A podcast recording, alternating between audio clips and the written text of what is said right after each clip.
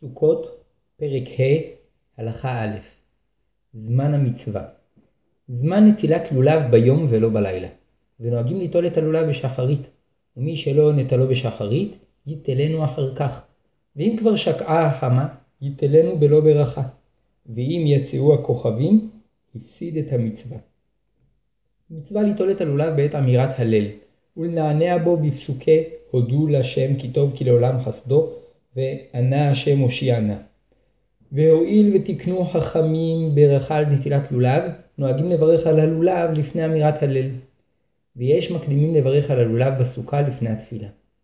לכתחילה אין ליטול את הלולב לפני הנץ החמה, שהוא הזמן שהשמש מתחילה להיראות במזרח. אבל מי שהוצרך להשכים לצאת לדרך, ולא יוכל ליטול לולב לאחר הנץ החמה, ייטול לולב בברכה משעה שיעלה עמוד השחר, היינו משעה שיראה האור הראשון במזרח. כפי שלמדנו, על פי התורה מצווה ליטול לולב ביום הראשון של החג בלבד, ורק במקדש מצווה ליטול לולב שבעה ימים, וכך נהגו בזמן שבית המקדש היה קיים, שבכל העולם נטלו לולב ביום הראשון בלבד, ואילו בשאר הימים רק העולים לרגל נטלו לולב. וכאשר חל היום הראשון של חג הסוכות בשבת, תושבי ארץ ישראל היו נוטלים לולב, וכדי שלא יבואו לטלטל אותו ברשות הרבים, תקנו שיתלו אותו בבית. ותושבי חוץ לארץ לא נטלו לולב, מפני שלא ידעו בוודאות מתי נתקדש החודש בבית הדין, ולכן הוצרכו לעשות מספק שני ימים טובים של גלויות. מכיוון שלא הייתה ודאות ששבת היא היום הראשון, גזרו חכמים שלא יתלו בו לולב. שמא למרות שקבעו ליטול את הלולב בבית, יהיו שיטעו ויטלטלו אותו ברשות הרבים תוך חילול שבת. לאחר שנחרב בית המקדש, תקנו חכמים שבכל העולם יתלו לולב שבעה ימים זכר למקדש, ומנגד תקנו שגם בארץ ישראל, אם יחול היום הראשון בשבת, לא יתלו לולב, כדי שיהיו כל ישראל נוהגים מנהג אחד. וגם לאחר שהחלו לקדש, לקדש חודשים על פי הלוח, וכבר לא היה ספק לגבי זמנו של היום הראשון, נשאר האיסור במקומו, שלא ליטול לולב ביום הראשון שחל בשבת. אפשר אולי לומר בטעם העניין, שלאחר חורבן בית המקדש, נחלש, כוח השפעתה של מצוות נטילת לולב, ולכן היה צורך לחזקו על ידי נטילת לולב בכל מקום שבעה ימים. ומנגד, החשש מפני הפגיעה בכבוד השבת גבר מאוד, שהשבת נותרה יסוד החיים והברכה לקיומם של ישראל. וצריך לומר שקדושת השבת מועילה בזמן הזה במקום נטילת לולב. וכדי שלא יגיעו חס ושלום לחילול שבת, גזרו שגם כאשר היום הראשון חל בשבת לא יתלו לולב.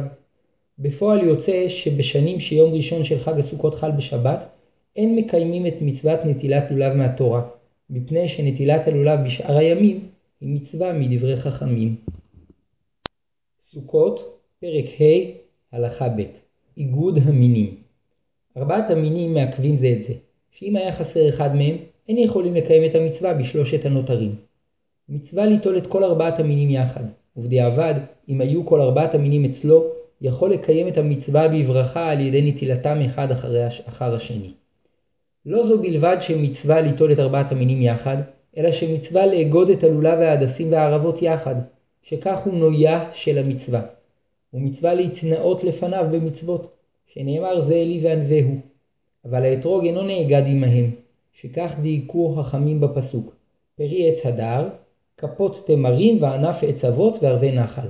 הרי שבב החיבור מחברת את שלושת המינים יחד, ואילו האתרוג נותר לבדו ואינו נאגד עמהם. יש אומרים שמצווה לאגוד את שלושת המינים בקשר גמור שאסור לעשותו בשבת, כדוגמת קשר כפול. וגם הנוהגים להשתמש בקוי שקלח, שרוולים מקליעת עלי לולב, נכון שיקשרו אותו בקשר כפול. ויש סוברים שאין צורך להקפיד על כך, אלא עיקר שיהיו שלושת המינים אגודים.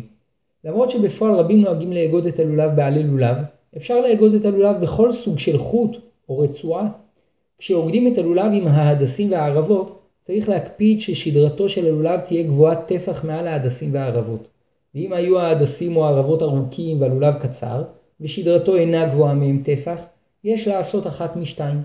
או לקצר את ההדסים והערבות ולהעמידם על השיעור הכשר שהוא שלושה טפחים, כדי ששדרתו של הלולב תהיה גבוהה מהם טפח, או לקושרם באופן שתחילתם תהיה נמוכה מתחילת הלולב, כדי שבפועל שדרתו של הלולב תצא מעליהם טפח. לא ייטול יותר מלולב אחד ואתרוג אחד, ולהדסים צריך שלושה ולערבות שתיים, ואם רצה להוסיף עוד הדסים וערבות, רשאי, ורבים מדקדקים שלא להוסיף על שלושה הדסים ושתי ערבות. אסור להוסיף מין אחר על ארבעת המינים שציוותה התורה, והמוסיף עובר על איסור בל תוסיף. יש נוהגים לקשור את ההדסים בצד ימין של שדרת הלולב ואת הערבות בצד שמאל, ויש נוהגים לקשור הדס אחד בימין ואחד בשמאל ואחד באמצע, וערבה אחת מימין ואחת משמאל, ובשני האופנים מקיימים את המצווה למהדרין. יש נוהגים להיעדר שיהיו ההדסים גבוהים מעט מהערבות, מפני שההדסים רומזים לצדיקים, והערבות לעמי הארץ. בנוסף למצווה לאגוד את שלושת המינים יחד, יש מהדרים לקשור את הלולב עצמו בעוד שלושה קשרים, והאשכנזים מקפידים להשאיר את החלק העליון שבלולב בלא קשירה, כדי לקסקס בלולב בעת הנענועים, ויש נוהגים לעשות י"ח קשרים בלולב. סוכות, פרק ה', הלכה ג' סדר נטילת הלולב וברכתו. ייטול ביד ימין את הלולב וההדסים והערבות, וביד שמאל את האתרוג, וזאת משום ששלושת המינים יחד חשובים יותר מהאתרוג, ולכן ראוי לנוטלם ביד ימין שהיא החשובה והחזקה. ואם טעה והחליף את הידיים, יצא ידי חובה. יש אומרים שגם איתר ייטול את הלולב ביד ימין כדרך רוב האנשים, משום שגם אצל איתר יש חשיבות ליד ימין, שהיא רומזת למידת החסד, וכן נוהגים על פי הקבלה. ויש אומרים שהואיל ואצל איתר יד, אצל איתר יד שמאל היא החזקה והחשובה, ייטול בה את שלושת המינים, ואת האתרוג ייטול ביד ימין. צריך להקפיד ליטול את ארבעת המינים כדרך גדילתם, עיקרם למטה וראשיהם למעלה, ובאתרוג עוקצו למטה וחותמו למעלה, שכך היא תחילת גידולו באילן. ואם הפך אחד מהם, כיוון שנטלו שלא כדרך גדילתו, לא קיים את המצווה. אוחזים את הלולב כאשר שדרתו של הלולב לצד הפונה, פניו של הנוטלו, ומצמידים את האתרוג לאגודת הלולב, ובאופן זה מנענעים אותו לארבע רוחות ולמעלה ולמטה כמבואר בהלכה הבאה. תקנו חכמים לברך לפני קיום המצווה, ברוך אתה השם אלוקינו מלך העולם, אשר קידשנו במצוותיו וציוונו על נטילת לולב. כדי שהברכה תהיה סמוכה ככל האפשר לקיום המצווה, נוטלים לפני הברכה את ארבעת המינים, אלא שאוחזים את האתרוג הפוך, עוקצו למעלה וחותמו למטה, באופן שאין מקיימים בו את המצווה. ומיד בסיום הברכה הופכים אותו ומנענעים את הלולב. ויש נוהגים לאחוז בעת הברכה את הלולב בלבד, ומיד בסיום הברכה נוטלים את האתרוג ומנענעים אותו עם הלולב. ביום הראשון מוסיפים ומברכים לפני קיום המצווה, שהחיינו. נוהגים לעמוד בעת אמירת הברכה וקיום מצוות נטילת לולב, והברכה מועילה לכל הלולבים שייטול וינענע באותו היום. נוהגים לברך על הלולב לפני תחילת ההלל, ויש מהדרים לברך על הלולב בסוכה לפני שהולכים לבית הכנסת, כדי לחבר את מצוות הלולב עם מצוות הסוכה. והמתפללים ותיקין, שאינם יכולים לברך על הלולב לפני כן בסוכה, כי זמן נטילת לולב לאחר הנץ החמה. נוטלים את הלולב והאתרוג בידיים, והמניח את הלולב או האתרוג בכלי ונטל את הכלי, לא יצא. ולא יהיה דבר חוצץ בין הידיים למינים, אבל האגד שעוגדים בו את הלולב אינו חוצץ, כי הוא נועד לצורך המינים. ויש שהחמירו להסיר טבעות מהאצבעות, אבל מן הדין הטבעות אינן חוצצות, הואיל והן מכסות רק חלק קטן מהיד. מי שכף ידו חבושה ואצבעותיו מחוץ לתחבושת באופן שהוא יכול לאחוז בהן את המינים, יכול בדיעבד לקיים כך את המצווה. ואם אינו יכול לאחוז את המינים באצבעותיו, יקיים את המצווה בידו השנייה בלבד, ויברך על הלולב ויאחז אותו תחילה, ואחר כך יניח את הלולב ויאחז את האתרוג, שכבר למדנו בהלכה הקודמת שבדיעבד אפשר ליטול את המינים בזה אחר זה. סוכות, פרק ה', הלכה ד', צורת הנענועים. בעצם זה שנוטלים את ארבעת המינים ומגביהים אותם, מקיימים את המצווה, שנאמר ולקחתם לכם. ותקנו חכמים לנענע את הלולב כדרך שציוותה התורה להניף כמה קורבנות. כך היא דרך ההנפה. מוליך ומביא מעלה ומוריד, כלומר, מרחיק את הלולב ממנו, וחוזר ומקרב אותו אליו, מעלה אותו כלפי מעלה, ושוב מוריד. ויש בזה ביטוי של אמונה. מוליך ומביא למי שארבע הרוחות שלו, מעלה ומוריד למי שהשמיים והארץ שלו. ולכן נוהגים להניף לכל ארבע הרוחות, וכלפי מעלה וכלפי מטה. עוד אמרו חכמים, מוליך ומביא כדי לעצור רוחות רעות, מעלה ומוריד כדי לעצור טללים רעים. טעם נוסף, לאחר ימי הדין בהם עמדנו לפני השם בתפילה, אנו מתחילים את השנה בשמחה, ומניפים את ארבעת המינים כאות ניצחון על הצלחת התשובה והתחדשות ההתקרבות אל השם יתברך. וכך הוא סדר הנענועים. מצמידים את האתרוג שביד שמאל אל אגודת הלולב וההדסים והערבות שביד ימין, ואוחזים אותם קרוב לגוף, ויש מהדרים להצמידם לחזה. ומשם מוליכים אותם לכיוון הנענוע כאשר ראש הלולב כלפי מעלה עם נטייה לכיוון הנענוע. ושוב מחזירים את ארבעת המינים אל הגוף. וכך עושים שלוש פעמים לכל אחד מששת הכיוונים שמנענעים עליהם, שהם ארבע רוחות, ולמעלה ולמטה. כאשר מנענעים את הלולב כלפי מטה, אין הופכים את ראשו כלפי מטה, אלא כשראשו כלפי מעלה מוליכים אותו מכיוון הלב לכיוון מטה. יש שמתחילים לנענע לכיוון מזרח, ומשם פונים לצד ימין, ומנענעים לדרום, מערב וצפון, ואחר כך מנענעים למעלה ולמטה. ועל פי מנהג הארי, מנענעים תחילה לצד דרום, הנענוע השני לצפון, השלישי למזרח, הרביעי למעלה, החמישי למטה, והשישי לצד מערב. יש שפונים בעת הנענוע אל הצד שאליו מנענעים את הלולב, ובעת שמנענעים למעלה ולמטה, פונים למזרח. ויש שנוהגים לעמוד בכל סדר הנענועים לצד מזרח, ומטים את הלולב כסדר הנענועים. וכל המנהגים הללו טובים, ונכון לכל אדם להמשיך במנהג אבותיו, וכשמנהג אבותיו אינו ברור, ינהג כפי שירצה. מנהג אשכנז להשתדל לחסקס בלולב בעת הנענועים, היינו ליצור על ידי הנענועים רחש קל בעלים שבראש הלולב, והספרדים אינם נוהגים לחסקס בלולב. סוכות, פרק ה', הלכה ה', היכן מנענעים. בנוסף לנענועים שלאחר הברכה על הלולב, תקנו חכמים לאחוז את הלולב בעת אמירת ההלל, ולנענעו בעת אמירת הפסוקים, הודו להשם כי טוב כי לעולם חסדו, וענה השם הושיענה. וסמכו דבריהם על הפסוק, אז ירננו עצי היער. הודו להשם כי טוב כי לעולם חסדו, ואמרו שאינו אלוהי שאינו וקבצנו והצילנו מן הגויים, להודות לשם קודשך, להשתבח בתהילתך. דרך רינתם של העצים על ידי שהם מתנועים, ומתי הם מרננים? בעת שאומרים הודו, ובעת שאומרים הושיענו, ובתוך כך למדנו רמז נוסף בנינוי הלולב, שיש בהם תפילה לקיבוץ הגלויות מארבע כנפות תבל. וכיוון שבחג הסוכות נידונים על הגשם, יש בנינויי ארבעת המינים שצמחו בגשמי השנה הקודמת, ביטוי של הודאה על הברכה של השנה שעברה, ותפילה על השנה הבאה, שמן השמיים והארץ וארבע הרוחות יבואו עלינו גשמים וטללים טובים, ולא גשמים וטללים רעים, ולא רוחות רעות. כפי שלמדנו, מנענעים את הלולב בעת שאומרים שני פסוקים, הודו להשם כי טוב כי לעולם חסדו, וענה השם הושיענה, ונוהגים לחלק את הנענועים לפי המילים, ובעת אמירת שם השם עוצרים ומכוונים לקדושת שמו.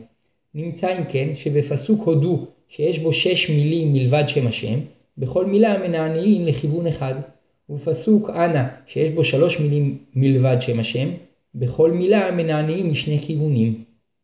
על פי המקובלים מנענעים חמש פעמים. א', לאחר ברכה על הלולב. ב', בהודו להשם הראשון.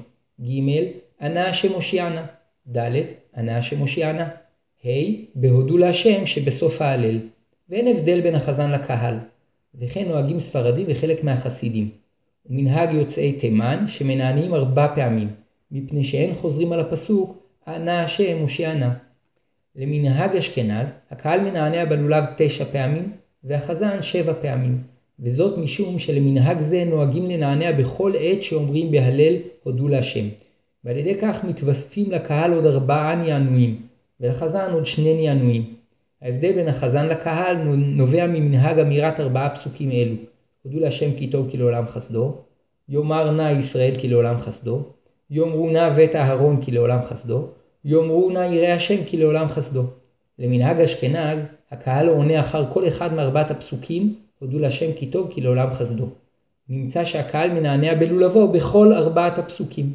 אבל החזן מנענע רק בשני הפסוקים הראשונים. בראשון מפני שהוא אומר הודו להשם כי טוב כי לעולם חסדו. ובשני מפני שבפסוק זה הוא קורא לכל ישראל להודות להשם, ובכך הוא שותף במה שהם אומרים אחר כך הודו. אבל בשני הפסוקים האחרונים, כיוון שהוא אומר, אומר שבית אהרון ויראי השם ישבחו להשם, החזן אינו נכלל עמהם, ולכן אינו מנענע בהם. עוד נענוע אחד מתווסף למנהג אשכנז בסוף ההלל, שהואיל ואומרים פעמיים הודו, מנענעים שם פעמיים, וכבר למדנו שעל פי הקבלה מנענעים שם פעם אחת. סוכות, פרק ה' הלכה ו' נשים וקטנים בלולב נשים פטורות ממצוות נטילת לולב, הואיל והיא תלויה בזמן. וכלל נקוט בידינו, נשים פטורות ממצוות עשה שהזמן גרמן, ואישה שרוצה לקיים מצווה שהזמן גרמה, יש לה על כך שכר. למנהג רוב יוצאות ספרד, נשים אינן מברכות על מצוות עשה שהזמן גרמן. שאך תברך אשר קידשנו במצוותיו וציוונו כאשר לא נצטוותה.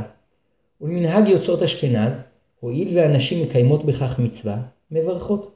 ואין חשש לגבי הנוסח, מפני שאין אומרים בנוסח הברכה וציוונו, וציווני, אלא וציוונו, היינו את כלל ישראל, ואף נשים בכלל זה. ואף שלפי מנהגי ספרדים נשים אינן מברכות על מצוות עשה שהזמן גרמן, לגבי נטילת לולב נהגו רבות לברך, ויש שנטלו, שנתנו לכך טעמים על פי הקבלה. קטן שיודע לנענע את הלולב כדין, היינו להוליך ולהביא, להעלות ולהוריד, אביו חייב לחנכו למצוות הלולב.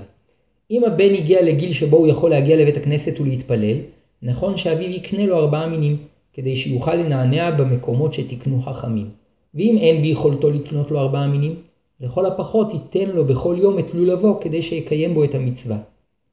טוב לעודד בנות קטנות שינענעו בכל יום את הלולב, ואף שנשים פטורות מנטילת לולב, מכל מקום מצווה יש להן, ואם כן יש בזה חינוך לחיבוב מצוות. סוכות, פרק ה', הלכה ז' שמירת ארבעת המינים. צריך להשתדל לשמור את ההדסים והערבות בטריותם, ולשם כך היו שומרים אותם במים. וכן מבואר במשנה שביום טוב מותר להחזיר את הלולב עם ההדסים והערבות לתוך כלי המים שהיו בו לפני כן, ואף מותר להוסיף מים לכלי. אבל אסרו חכמים להחליף ביום טוב את המים שבכלי או לקחת כלי חדש ולמלוא במים לצורך זה, מפני שזו טרחה שנראית כפעולה של תיקון כלי, שעל ידי כך המינים מתקיימים. בחול המועד היו נוהגים להחליף את המים שבהם שרו את הלולב עם ההדסים והערבות, שעל ידי כך היו המינים נשמרים יותר בטריותם. ויש נוהגים לפרק את איגוד הלולב ולהניח את ההדסים בצנצנת מים ולעטוף את הערבות במגבת לחה או להשרותן בתוך מים, וישנה דרך נוספת לשמור על טריות המינים, על ידי הכנסתם לנרתיק אטום, וזה בתנאי שלא שהו זמן רב מחוץ לנרתיק. אבל אם שהו זמן רב וההדסים והערבות כבר החלו להתייבש, עדיף להניחם תחילה במים כדי לשקם את חיוניותם. יש מהדרים להחליף בכל יום את הערבות מפני שעיקר ההידור בערבות שיהיו רעננות, ורבים מסתפקים בכך שמשתדלים לשמור עליהן שלא יתייבשו. כיוון שיש מצווה לאגוד את הלולב עם ההדסים והערבות, כאשר מביאים ערבות חדשות, או כאשר מחזירים את ההדסים מכלי המים שהיו בו, אין להסתפק בדחיבתם לתוך הקשר הקיים, אלא מצווה לקשור אותם מחדש, או לפחות להוסיף עליהן עוד קשר, כדי לקיים בכך את מצוות האיגוד. סוכות, פרק ה', הלכה ח' דין מוקצה בארבעת המינים. משעת נטילת ארבעת המינים ביום הראשון, נעשו ארבעת המינים מוקצים למצוותם, ואסור להשתמש בהם לשימושם הרגיל. לפיכך אסור לאכול את האתרוג, ואסור להריח בהדס, וגם לצורך הבדלה שבמוצאי שבת אסור להריח בהדס. וגם אם האתרוג או ההדסים נפסלו, איסור המוקצה נותר עליהם עד סוף החג. אמנם מותר להריח באתרוג, משום שעיקר ייעודו של האתרוג לאכילה, ורק מזה הוא הוקצה, אבל מן הריח שנלווה אליו לא הוקצה. אלא שהתעורר ספק לגבי מי שנוטל את האתרוג כדי לקיים בו את המצווה, וגם כדי ליהנות מריחו. יש אומרים שהואיל והוא נהנה מהריח, יברך הנותן ריח טוב בפירות. ויש אומרים שהואיל ועיקר נטילתו למצווה, לא יברך על ריחו. כדי לצאת מהספק, נכון לכוון בעת נטילת האתרוג למצווה, שנטילתו היא לשם מצווה, ולא כדי ליהנות מריחו. אבל שלא בעת קיום המצווה, הרוצה להריח באתרוג, מברך הנותן ריח טוב בפירות. לאחר שנסתיימו שבעת ימי החג הסוכות, פוקע איסור מוקצה מהמינים, ומותר להשתמש בהם לכל שימוש, אבל אסור לבזותם, כגון לזורקם לאשפה מטונפת, או לדרוך עליהם. מי שלפני שהתחיל ליטול את ארבעת המינים התנה בליבו שלא יהיו מוקצה, אלא יוכל להשתמש בהם כאוות נפשו, לא חל עליהם איסור מוקצה, ומותר להשתמש בהם כרצונו. סוכות פרק ה', הלכה ט' מנהג ההקפות במקדש בכל ימי הסוכות היו הכהנים מקיפים את המזבח פעם אחת, וביום השביעי היו מקיפים את המזבח שבע פעמים, והיו אומרים בעת ההקפות אנא השם הושיע נא, אנא השם הצליחה נא. ולדעת רבי יהושע, אני והו הושיע נא. יש אומרים שהיו נוטלים לולב בעת ההקפות, ויש אומרים ערבות. אמרו חכמים שמנהג ההקפות נתקן כזכר להקפות שציווה השם את ישראל לערוך סביב העיר יריחו בימי יהושע בן נון, וזאת כדי שיוכלו לכבוש אותה ואת כל הארץ, וכך הקיפו. הכהנים נשאו את ארון השם, ושבעה כהנים תוקעי שופרות הלכו לפני הארון, ולפניהם הלך חיל החלוץ, ואחרי הארון הלכו שאר אנשי החיל. במשך שישה ימים הקיפו את יריחו בכל יום פעם אחת, וביום השביעי הקיפו שבע פעמים, ובסיום ההקפה השביעית תקעו הכהנים תקיעה גדולה, וכל העם הריע, ונעשה נס וחומת יריחו נבלעה תחתיה, וכבשו ישראל את יריחו. על פי חכמי הסוד, יריחו, שהיא העיר הנמוכה בעולם, הייתה המרכז התרבותי של כנען, ובה התרכזה רוח הטומאה של הכנענים, שהשתמשו בקדושתה של ארץ ישראל לצורך תאוותיהם הגשמיות. והחומה הגדולה שהקיפו בה את עירם, שימשה להם כמחסום בפני האור האלוקי, כדי שיוכלו להתחזק בדרך טומאתם, בלא הפרעה של הרהורי תשובה ונקיפות מצפון, הבאים מההערה האלוקית המקיפה. ולכן יריחו הייתה המנעול שעצר בעד ישראל להיכנס לארץ ולגלות בה את דבר השם. וציווה השם לישראל להקיף את יריחו, ולגלות בכך את האור האלוקי שמקיף את המציאות, ומתוך כך נפלו חומות יריחו, וישראל כבשו את יריחו ויכלו להתחיל לגלות את הקדושה שבטבע. כמו מצוות יישוב הארץ שעל ידי הערתה הכללית על כל המציאות מתגלה הקדושה שבתוך הטבע, כך גם מצוות הסוכה שחופפת על האדם מגלה את הקדושה שבטבע, שעל ידה החיים הטבעיים כאכילה ושינה הופכים להיות מצווה. וזהו שתיקנו חכמים לערוך הקפות בחג הסוכות סביב המזבח, כדי להפיל את חומות הטומאה שחוסמות את האור האלוקי מלהאיר אלינו, ולהגביר את הארת האור שמקיף את המציאות על כל מרכיביה, ועל ידי כך נוכל להתגדל באמונה ולגלות את הקדושה שבתוך הטבע. סוכות, פרק ה', הלכה י' מנהג ההקפות כיום. לאחר שנחרב בית המקדש, נהגו ישראל לעשות זכר למקדש ולקיים הקפות בבתי הכנסת. וכיוון שלא הייתה על כך תקנה מסודרת, מצינו בתקופת הגאונים מנהגים שונים בהקפות, ובתקופת הראשונים כבר נתקבע מנהג אחד בכל ישראל. מניחים את ספר התורה על הבימה, וכל הקהל אוחז בארבעת המינים ומקיף בכל יום את הבימה פעם אחת, וביום השביעי שבע פעמים. והטעם שמקיפים את ספר התורה, משום שלאחר שנחרב בית המקדש, לימוד התורה במקום המזבח, שהלומד את פרשת הקורבנות נחשב כמי שמקריב אותם על גבי המזבח. במשך הדורות חוברו להקפות תפילות מיוחדות שבהם משולבת התחינה הושיע נא ואני והו הושיע נא, ואומרים אותן לפני ההקפות, במשך ההקפות ולאחריהן כל עדה לפי מנהגה. המנהג הרווח שאחד אוחז בספר התורה במשך כל ההקפות, ובחלק מקהילות הספרדים לא הקפידו על כך. מי שאין לו לולב אינו מקיף, מכיוון שכך יש נוהגים להעמיד אדם שאין לו לולב עם ספר התורה ליד הבימה. ההקפות נעשות דרך ימין, היינו כשעומדים עם הפנים כלפי הבימה, פונים לימין. יש אומרים שכמו בעת נטילת הלולב, כך גם בעת ההקפות צריך לאחוז את הלולב בימין ואת האתרוג בשמאל כשהם נוגעים זה בזה. ויש אומרים שמי שנצרך לאחוז בסידור ביד אחת, יכול לאחוז את ארבעת המינים בידו השנייה, ושני המנהגים טובים. נוהגים להשאיר את ארון הקודש פתוח במשך ההקפות. כשאין שם ספר תורה, יש אומרים שלא יקיפו, ויש אומרים שיקיפו את הבימה בלא ספר.